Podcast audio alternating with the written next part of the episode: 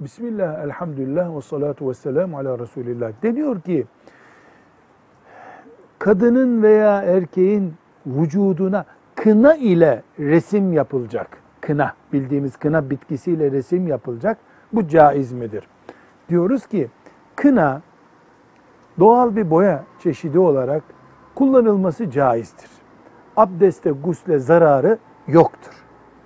Ancak yapılacak resim müstehcen bir resimse Müslümanın ahlakı bunu kabul etmez. Bir, iki, kadının koluna mesela bir erkek o resmi yapamaz. Bu sakıncalı, buna dikkat edeceğiz. Ve bu yapılacak resimde itikadı rahatsız edecek bir şey var mı? Buna dikkat ederiz. Dinen mesela bir haç resmi çizeceksin. Olmaz. Veya avucun üstüne mesela yapılacak, elin içine üste yapılacak bir resim görünür bölgededir. Ee, kadının yüzüne yapılacak bir resim görünür bölgededir.